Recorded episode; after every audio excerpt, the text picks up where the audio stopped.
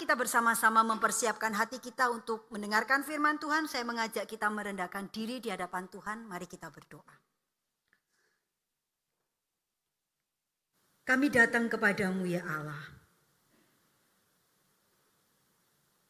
Kami mau bersyukur untuk begitu banyak kasih dan kebaikan yang Tuhan berikan kepada kami. Terima kasih karena pada hari ini Allah memberi kesempatan buat kami untuk datang ke rumah Tuhan. Kami tahu tidak semua orang punya kesempatan untuk bisa datang ke rumah Tuhan beribadah, bertemu dengan saudara-saudara seiman. Entah karena pergumulan hidup, entah karena kesehatan, entah karena hal-hal lain yang memung tidak membuat tidak memungkinkan mereka untuk bisa datang ke rumah Tuhan. Biarlah Tuhan menolong kami untuk bersyukur dan menikmati ketika kami ada di dalam rumahmu. Kami juga bersyukur karena Tuhan memberi kesempatan kepada kami untuk mendengar Tuhan berbicara melalui kebenaran firman Tuhan. Berbicaralah kepada kami ya Tuhan, karena kami siap mendengarkan. Urapilah hambamu, berikanlah hikmat yang daripadamu untuk boleh menyampaikan apa yang menjadi isi hati Tuhan. Kami menyerahkan akan waktu pemberitaan firman ini ke dalam tanganmu. Hanya di dalam nama Tuhan Yesus kami berdoa. Amin. Bapak Ibu yang dikasih oleh Tuhan mungkin kita bertanya-tanya. Dari tadi lo si Yoel bicara tentang bumi, bicara tentang lingkungan hidup, bicara tentang kesalahan-kesalahan kecil yang kita lakukan terkait dengan bumi ini. Bapak Ibu yang dikasih oleh Tuhan tanggal 5 Juni adalah uh, peringatan hari lingkungan hidup ya. Karena itu sebagai orang-orang percaya kita perlu diingatkan bahwa kita ini punya tanggung jawab yang besar terkait dengan kehidupan kita di dalam dunia ini. Terkait dengan lingkungan hidup, terkait dengan bumi di mana Tuhan menempatkan kita. Karena itu hari ini kita akan berbicara atau bersama-sama merenungkan firman Tuhan yang berbicara tentang tugas dan tanggung jawab kita terkait lingkungan hidup. Saya mengajak kita untuk membuka satu bagian firman Tuhan di dalam kejadian pasal yang kedua kita akan membaca ayat yang ke-15. Kejadian pasal yang kedua ayat yang ke-15 saya mengajak kita untuk membaca bersama-sama bagian ini dengan perlahan-lahan. Satu, dua, tiga. Tuhan Allah mengambil manusia itu dan menempatkannya dalam Taman Eden untuk mengusahakan dan memelihara taman itu. Demikian jauh pembacaan firman Tuhan. Bapak Ibu yang dikasih oleh Tuhan, siapa yang masih pergi belanja ke pasar? Silakan angkat tangan. Waduh, udah banyak yang ke pasar ya. Karena biasanya belanjanya di supermarket atau tukang melijo gitu ya. Nah Bapak Ibu yang dikasih oleh Tuhan, saya mau bertanya. Siapa yang kalau ke pasar masih bawa keranjang seperti ini. Bapak Ibu ketawa toh? Siapa yang ke pasar masih bawa keranjang kayak gini? Rasanya mama saya ya, karena ini keranjangnya mama saya. Mama saya mesti badan, uh keranjangku rek digowo-gowo gitu ya. Bagi kita hari ini pergi ke pasar bawa keranjang kayak gini itu merepotkan, betul? Kita lebih memilih pergi bawa dompet atau bawa handphone saja, karena cukup pakai QRIS, ya karena kita berpikir nanti kalau saya belanja ke pasar, minta kresek sama bakulnya. Kalau bakulnya nggak ngasih kresek, kita ngomel. Dodolan kok gak sedia kresek. Betul? Berapa banyak di antara kita yang kalau ke pasar, itu bawa keranjang atau mungkin minimal bawa tas kain. Ya, jadi tidak mengandalkan kresek. Atau siapa di antara kita yang kalau pergi ke mana-mana itu pergi bawa botol minum. Ih kuno tenan loh se. Iri temen loh se sampai bawa botol minum. Mendingan beli aqua gampang murah cuma 3 ribu gak repot. Betul? Atau siapa di antara kita yang kalau mau beli kopi di sini ada banyak pecinta kopi, gitu ya. Belakang saya ini juga pecinta kopi, gitu ya. Kalau pergi bawa tumbler, oh lose, lose mau minta potongan yang 50% toh. Ih pelit sekali loh loh. Bapak Ibu yang dikasih oleh Tuhan sering kali kita nggak mikir bawa tumbler. Kita lebih seneng beli pakai tempat yang kayak gini ya. Langsung praktis. Betul? Nggak nyindir loh ya, nggak nyindir ya. Siapa di antara kita yang kalau pergi-pergi masih inget bawa sedotan kayak gini. Aduh, duh losu, losu. Irit teman dulu tenan pelit losu ini. Atau kalau Anda pergi bawa sumpit kayak gini. Rasanya nggak ada. Betul? Saya punya satu teman yang waktu kami makan bersama, dia itu mengeluarkan semacam dompet kecil, lalu dia mengeluarkan sumpit kayak gini beberapa biji. Waktu saya lihat, saya rodok heran. Buat apa kamu bawa sumpit kayak gitu? Ya biar kita nggak pakai sumpit yang kayak gini. Kamu tahu nggak? Untuk bikin sumpit kayak gini, berapa banyak pohon yang harus ditebang? Muncul lalu ya cerita-cerita. Bapak Ibu yang dikasih oleh Tuhan, mungkin apa yang saya katakan hari ini itu terlihat merepotkan dan sangat ruwet. Tetapi tahukah Bapak Ibu sekalian bahwa pilihan-pilihan yang kita lakukan hari ini itu punya pengaruh untuk kehidupan kita 10 atau 20 tahun lagi. Bahwa pilihan-pilihan yang kita lakukan hari ini itu mempengaruhi bumi kita hari ini. Pernah enggak kita berpikir bahwa keputusan-keputusan yang aku lakukan hari ini, pilihan-pilihan yang aku lakukan hari ini, itu punya pengaruh terhadap alam. Pernahkah kita memikirkan bahwa cuaca yang geser, suhu yang semakin panas, musim yang kacau balau, itu ada pengaruhnya karena pilihan-pilihan yang kita lakukan. Bapak Ibu yang dikasih oleh Tuhan, hari ini kita mau belajar dari kebenaran firman Tuhan. Apa yang dikatakan di dalam kitab kejadian? Kitab kejadian yang baru saja kita baca, di sana dikatakan bahwa Allah mengambil manusia, meletakkan di dalam eh, menempatkan di Taman Eden dan kemudian dikatakan bahwa Allah itu memberi perintah kepada mereka untuk mengusahakan dan memelihara taman itu. Waktu saya mempersiapkan bagian firman Tuhan ini, saya mikir, apa yang saya mau katakan kepada jemaat tentang memelihara lingkungan hidup?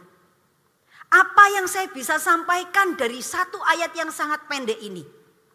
Tetapi ketika saya belajar, saya menemukan ternyata bagian ini berbicara tentang sesuatu yang menurut saya sangat luar biasa. Bapak Ibu yang dikasih oleh Tuhan dalam kejadian pasal 2 ayat 15 ini ada dua kata yang saya garis uh, saya beli warna berbeda yaitu warna hijau. Kata mengusahakan dan kata memelihara. Nah, kita akan mencoba melihat dan berfokus kepada kata mengusahakan dan memelihara dalam bagian ini. Saya akan mengajak kita untuk melihat ya belajar sedikit akademis, nggak usah diingat-ingat, nggak ada ujiannya gitu ya. Nah, saya mengajak kita untuk melihat bahwa kata mengusahakan ini berasal dari kata Ibrani ya, yaitu kata leabdah. Nggak usah dihafalkan, nggak usah diingat-ingat. Pokoknya tahu aja gitu ya. Nah, kata leabdah ini berasal dari asal kata yang eh, yaitu kata abad Nah kata ini artinya mengerjakan atau mengusahakan. Ya kata leab, leabda atau abda yang berasal dari kata abad itu berarti mengerjakan atau mengusahakan. Nah apa yang istimewa dari kata ini? Ternyata kata ini cukup banyak dipakai di dalam perjanjian lama gitu ya. Dipakai di dalam perjanjian lama, di dalam kitab keluaran dia ada, di dalam kitab bilangan dia ada. Bahkan Rasul Paulus mengutip kalimat ini dan menjelaskan gitu ya. Nah, kata e, abad ini di dalam perjanjian baru itu selalu dipakai atau dikaitkan dalam pengertian melakukan suatu pekerjaan yang berhubungan dengan melayani Tuhan. Jadi kata abad ini kalau muncul di dalam kitab perjanjian lama itu selalu dikaitkan dengan melayani Tuhan. Di dalam kitab keluaran, kata kerja abad ini diterjemahkan dengan beribadah. Kemudian di dalam kitab bilangan, kata abad ini untuk menjelaskan tugas atau pekerjaan yang diperintahkan oleh Allah kepada orang Lewi. Ketika mereka itu bertugas mengurus perabotan di dalam kemah suci. Kata ini yang digunakan. Nah kemudian Rasul Paulus mengutip atau menggunakan kata ini dalam yang sudah diterjemahkan ke dalam bahasa Yunani itu dikaitkan dengan pekerjaan pelayanan yang berhubungan dengan hal-hal rohani atau ibadah. Waktu saya merenungkan bagian ini kemudian saya jadi mikir. Ternyata Tuhan itu ketika memilih kata mengusahakan dalam bagian kejadian pasal 2 ayat 5 ini ia memilih kata yang benar-benar tepat. Dia ingin mengatakan kepada manusia yang ditempatkan di Taman Eden bahwa ketika engkau mengusahakan tempat di mana kamu berada, apa yang kamu lakukan itu adalah bagian dari ibadahmu kepada Allah. Bahwa ketika kamu melakukan itu, itu adalah sebuah pelayanan kepada Allah. Jadi Bapak Ibu yang dikasih oleh Tuhan, ketika kita itu peduli kepada alam, ketika kita itu mengusahakan bumi tempat di mana kita tinggal, itu artinya kita itu beribadah dan melayani Allah.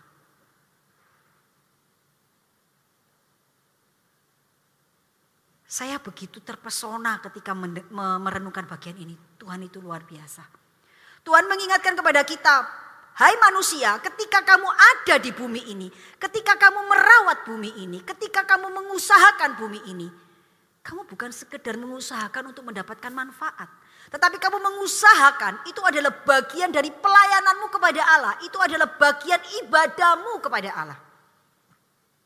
Jadi Bapak Ibu yang dikasih oleh Tuhan, manusia itu diberi tanggung jawab untuk mengusahakan bumi sebagai wujud pelayanan dan ibadah kepada Allah serta bertanggung jawab kepada Allah. Jadi melalui bagian ini kita diingatkan bahwa memelihara bumi, motivasi utama dan motivasi dasar kita itu harus dikaitkan dengan kepatuhan kepada Allah, ibadah kepada Allah, dan melayani Allah. Kemudian kata memelihara. Kalau kita perhatikan, kata memelihara ini berasal dari bahasa Ibrani welesamra, gitu ya. Asal katanya siamar yang memiliki arti memelihara. Nah, sama dengan kata mengusahakan, kata memelihara ini juga sering muncul di dalam uh, perjanjian lama. Dan kata ini ketika muncul itu selalu dikaitkan dengan memelihara perintah atau hukum Allah. Jadi kata siamar ini ketika digunakan itu penekanannya selalu dikaitkan dengan perintah, memelihara perintah Allah. Melakukan perintah Allah. Itu artinya Allah ingin bahwa perintahnya itu diperhatikan dan dipelihara gitu ya. Nah Bapak Ibu yang dikasih oleh Tuhan dalam kitab Pentatuk Kata ini juga dipakai berhubungan dengan tanggung jawab umat Allah terhadap hukum dan ketetapan Allah. Jadi kata memelihara ini selalu dikaitkan dengan bagaimana orang itu melakukannya sebagai bagian dari memelihara hukum Allah. Bapak Ibu yang dikasih oleh Tuhan, jadi kata memelihara dalam bagian ini itu berarti manusia diberi tanggung jawab untuk memelihara bumi seperti mereka memelihara hukum Allah. Bagaimana mereka itu memelihara bumi seperti layaknya mereka itu memelihara hukum Allah, mengingat, memperhatikan, menjaga dan mengajarkan dari satu generasi kepada generasi yang lain. Betapa cara Allah mengingatkan kepada kita tanggung jawab mengusahakan dan memelihara bumi itu memiliki penekanan dan implikasi yang sangat dalam. Ia mengingatkan kepada kita bahwa tanggung jawab memelihara bumi, tanggung jawab mengusahakan bumi itu bukan hanya sekedar melakukan dan mengerjakan supaya mendapat manfaat. Tetapi kita diingatkan bahwa mengusahakan dan memelihara bumi itu sebagai bagian dari tanggung jawab kita beribadah kepada Allah, beriba, ber, melayani Allah dan ketika kita melakukannya itu, kita harus memeliharanya seperti kita memelihara hukum dan ketetapan Allah. Bapak Ibu yang dikasih oleh Tuhan, konsep ini harus senantiasa kita ingat. Bahwa sesungguhnya motivasi utama orang percaya memelihara bumi itu bukan hanya agar bumi ini menjadi lebih baik. Bukan hanya agar bumi ini menjadi tempat yang lebih layak bagi anak cucu kita.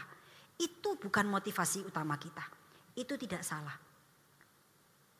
Tetapi kita harus ingat bahwa motivasi utama orang-orang percaya memelihara bumi atau mengusahakan bumi dan melakukan sesuatu yang baik bagi bumi tempat di mana kita tinggal. Itu bukan hanya sekedar supaya bumi ini baik, supaya saya dapat manfaat dari bumi, supaya anak cucu saya itu menikmati bumi yang lebih baik, supaya tidak terjadi kerusakan dan sebagainya. Bukan hanya pada uh, dimensi itu. Tetapi ada dimensi yang jauh lebih dalam. Yaitu bahwa ketika saya itu memelihara bumi. Itu karena saya tahu memelihara bumi ini adalah bagian dari ibadah saya kepada Allah. Memelihara bumi ini adalah bagian dari saya melayani Allah. Mengusahakan dan memelihara bumi ini adalah bagian di mana saya itu memelihara hukum dan ketetapan-ketetapan Allah. Bapak Ibu yang dikasih oleh Tuhan, ketika kita itu memahami bahwa dasar e, memelihara atau mengusahakan bumi ini adalah pelayanan kepada Allah, maka kita akan diingatkan bahwa sebagai manusia yang ada di dalam bumi ini, kita ini bukan pemilik bumi ini. Kita bukan raja atas alam semesta yang bisa melakukan apa saja, yang bisa bertindak semenang-menang, yang bisa melakukan eksplorasi sesukanya, yang membuat bumi ini menjadi rusak dengan begitu rupa. Karena kita bukan raja, kita tidak boleh bertindak sewenang-wenang. Kita ini hanyalah hamba atau mitra Allah untuk mengerjakan mandat mengusahakan dan memelihara lingkungan. Kita ini bukan pemilik tetapi kita ini adalah pengelola yang diberi kepercayaan oleh Allah. Dan kemudian kita ini harus bertanggung jawab kepada Allah. Segala sesuatu yang kita lakukan, segala sesuatu yang kita putuskan, segala sesuatu yang kita kerjakan yang terkait dengan bumi tempat di mana kita ini tinggal. Pada akhirnya harus dipertanggungjawabkan kepada Allah. Bapak Ibu yang dikasih oleh Tuhan, dasar kita memelihara bumi adalah karena kita menghormati Allah sebagai pemilik. Menghormati Allah yang menugaskan kepada kita untuk memelihara bumi. Melakukan semuanya itu dengan dasar karena saya menyadari memelihara bumi adalah bagian dari ibadah dan pelayanan saya kepada Allah. Memelihara dan merawat bumi adalah bagian tanggung jawab saya seperti saya memelihara hukum-hukum Allah di dalam kehidupan saya. Lalu kita bertanya, apa yang saya bisa lakukan? Apa yang saya harus lakukan ketika saya punya mandat menjaga dan memelihara bumi ini? Apa yang harus saya lakukan supaya saya bisa melaksanakan perintah Allah untuk mengusahakan dan memelihara bumi ini. Bapak Ibu yang dikasih oleh Tuhan, kita tidak perlu menjadi anggota kelompok penyelamat lingkungan yang mengeluarkan petisi untuk menghentikan pembakaran lahan gambut atau penggundulan hutan di daerah Kalimantan atau Sumatera. Tapi kalau Bapak Ibu punya kesempatan itu dan bisa melakukan itu, saya dorong Bapak Ibu untuk melakukan. Tetapi kalau kita belum sampai pada tahap itu, kita masih bisa melakukan yang lain. Atau kita mungkin tidak perlu menjadi anggota komunitas yang menyerukan penghentian penggunaan kantong plastik atau bahan plastik sekali pakai. Atau kita mungkin tidak bisa menjadi penggiat lingkungan yang ikut demo untuk menghentikan kebijakan-kebijakan yang tidak ramah lingkungan. Tetapi ada begitu banyak hal-hal kecil yang masih bisa kita lakukan sebagai bentuk ibadah dan pelayanan kita terkait dengan lingkungan. Hal-hal kecil apa yang kita bisa lakukan? Yang pertama, Bapak Ibu bisa mengurangi penggunaan sumber daya alam. Dengan cara menghemat penggunaan air. Berapa banyak di antara kita yang melakukan praktek-praktek kecil yang sepertinya terlihat tidak ada artinya, tetapi itu punya pengaruh yang cukup besar. Siapa di sini yang kalau gosok gigi setelah ambil odol, keran dinyalakan, kemudian kumur, kerannya tetap nyala sambil gosok gigi. Ini kerannya nyala, gosok gigi. Shh. Apalagi kalau gosok giginya lama, 5 menit. Ini kerannya ngucur terus. Atau siapa di antara kita yang kalau cuci piring, kerannya juga dinyalakan terus. Ini kerannya nyala terus airnya nyala terus. Biar bersih loh. Berapa banyak di antara kita yang menggunakan air dengan begitu boros tanpa berpikir bahwa air itu sumber daya milik bersama. Kita mungkin protes. Ah lah air keluar banyak, bayari banyak, duit-duitku sendiri gak disumbang sopo-sopo. Kok lo se bingung. Bapak Ibu yang dikasih oleh Tuhan, uang adalah uang Bapak Ibu. Uang adalah hasilnya Bapak Ibu. Tetapi air adalah sumber daya milik bersama. Ketika kita menggunakan secara gegabah, pasti ada orang-orang lain yang kemudian terkena akibatnya. Kita yang mungkin tinggal di Surabaya nggak pernah ngerasakan susahnya dapat air. Saya pernah punya pengalaman pelayanan ke Kalimantan, bukan di daerah pedalaman. Jangan bayangkan di daerah pedalaman yang masuk-masuk enggak. Masih cukup kota. Sebuah daerah yang masih cukup uh, apa mudah dijangkau. Namanya daerah Sintang. Ketika saya pergi ke sana, waktu mau mandi, saya masuk kamar mandi, itu saya rodok gilo-gilo gitu ya. Saya lihat air di bak mandi itu warnanya coklat. Lalu saya ngomong sama teman saya, seorang pendeta juga. Namanya Bu Liroy. Lir, ini air buat mandi. Iya. Ini bersih dah, bersih. Padahal warnanya butek. Terus dia bilang ini, eh untung kau ke sini masih ada air. Biasanya susah air. Kalau susah air aku nggak mandi. Lalu dia beli air. Dia beli air pakai mobil yang tangki. Setelah beberapa hari airnya habis, terpaksa pakai air keran yang warnanya coklat-coklat begitu ya. Tetapi karena saya satu minggu di sana mau tidak mau ya mandi sudah pakai air itu sambil merem-merem gitu ya. Sudah tidak apa-apa wes pokoknya disabuni. Tapi mandi disabuni disiram lagi pakai air itu. Rasanya kayak nggak mandi gitu ya. Lalu dia ngomong, eh kau bersyukur masih ada air. Itu tukang air juga masih lewat. Biasanya nggak ada. Dia bilang. Tapi kalau enggak ada kau berdoa supaya ada hujan. Maksudmu? Aku bilang. Ya kita mandi pakai air hujan. Terus dia bilang, jangan khawatir, aku enggak suruh kamu mandi di luar pakai air hujan. Dia bilang. Terus gimana? Rupanya di Kalimantan itu, di tempat rumah teman saya itu, jadi dia sudah membuat konstruksi rumahnya itu sedemikian rupa, sehingga air-air talang itu akan mengumpul pada satu saluran yang langsung masuk ke tandon. Tapi itu airnya tetap jauh lebih bersih daripada air yang ada di bak yang warnanya kecoklatan. Bapak Ibu yang dikasih oleh Tuhan, kalau kita nggak pernah tahu rasanya susahnya air bersih, kita tidak akan bisa menghargai air bersih.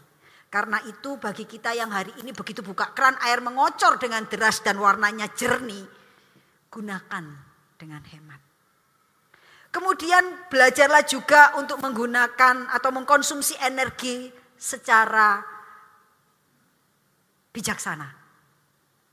Kalau sudah tidak ada yang menggunakan ya lampu dimatikan ya. Kalau sudah tidak ada orang di dalam ruangan ya AC dimatikan. Mungkin kita protes. Aduh rumah-rumahku, lampu-lampuku, bayari larang sing bayar aku. Sama Bapak Ibu. Uang-uang kita. Tetapi untuk menghasilkan listrik sumber dayanya itu milik bersama. Karena itu kita tidak boleh menggunakan secara sembarangan. Marilah kita melakukan perubahan-perubahan kecil dalam hidup kita untuk membuat lingkungan kita ini menjadi lebih baik. Kemudian hal kedua yang kita bisa lakukan, marilah kita meminimalisir limbah dan menghindari penggunaan plastik sekali pakai. Siapa yang di dalam tasnya selalu ada seperti ini,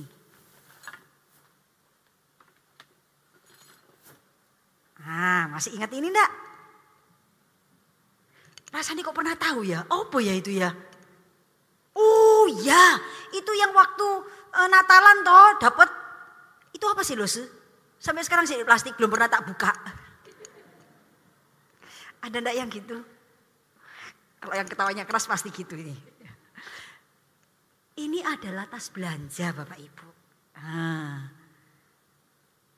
Oh, api yo. Wah, aku gak rek ngerti. Engko tak buka wis, engko tak go blonjo. Paling tidak kalau Bapak Ibu belanja bawalah tas kain. Supaya tidak pakai kresek. Ala losu bayar kresek cuma 300 saja kok repot-repot losu. Saya dulu mikirnya juga gitu. Kalau saya pergi ke supermarket biasanya sama Vina atau sama anak saya yang perempuan itu ya. Kadang-kadang lupa karena belum biasa. Lupa nggak bawa nggak bawa tas belanja nggak bawa plastik. Biasanya kan ditawari sama mbaknya, Bu pakai plastik, bayar satu plastik 300 atau 500 gitu ya. Biasanya kan karena enggak mau repot, ya sudah bayar mbak gitu ya. Apalagi kalau bayarnya pakai ATM kan enggak kroso ya, cuma 200-300 rupiah. Itu anak saya suka protes. Gak usah pakai plastik mami, nanti aku yang bawa. Demi bawaannya banyak, gak usah pakai plastik. Dia kalau belanja selalu enggak mau pakai plastik. Dia masukkan tas dan sebagainya. Mami tahu enggak? Plastik itu, wah selalu cerita panjang lebar. Termasuk anak saya yang nomor tiga, Vina, juga gitu. Jadi kalau kamu ke supermarket, dia enggak pernah bawa, enggak mau pakai plastik. Karena itu sekarang saya jadi ingat, ke mana-mana saya selalu bawa ini. Oh, benda ajaib. Ada yang tahu? Bukan ya, ini bukan wortel ya. Ini adalah tas belanja. Nah, sim salabim. Nah, ini selalu ada di dalam tas saya. Kenapa saya cari yang kecil gini ya? Karena nyelempit bisa diselempitkan di dalam tas. Jadi saya tidak pernah merasa dia mengganggu, saya tidak pernah merasa dia ada karena biasanya dia ada di, di tempat yang paling bawah. Tapi begitu giliran belanja, eh langsung inget, eh untung aku duit plastik. Eh, untung saya punya tas belanja. Dan ini berguna. Ke mana-mana saya bawa. Tempatnya kecil. Gitu ya. Dapat dari mana? Ini saya nemu di rumahnya mama saya. Saya lihat tuh, ini tak ya Maya. Saya masukkan ke dalam tas. Nah Bapak Ibu yang dikasih oleh Tuhan, ada hal-hal kecil yang kita bisa lakukan untuk membuat bumi kita ini menjadi lebih baik. Kalau Bapak Ibu beli kresek, itu bukan masalah belinya. Tetapi ketahuilah bahwa kresek-kresek yang Bapak Ibu dapat, yang kemudian Bapak Ibu kumpulkan di rumah, yang kemudian kalau dikumpulkan di kerdus itu jadi nyasak kerdus, itu tidak bisa, tidak bisa, uh, dia tidak bisa lebur, tidak bisa hancur dan itu menjadi limbah yang butuh waktu beratus-ratus tahun untuk hancur. Dan itu memberi pengaruh yang sangat buruk untuk alam kita.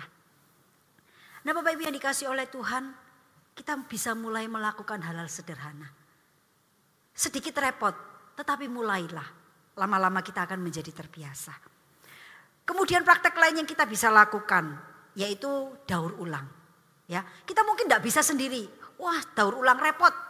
Tetapi kita paling tidak bisa mengatur supaya barang-barang kita yang bisa didaur ulang itu bisa diarahkan atau diberikan kepada pihak-pihak yang bisa melakukan daur ulang.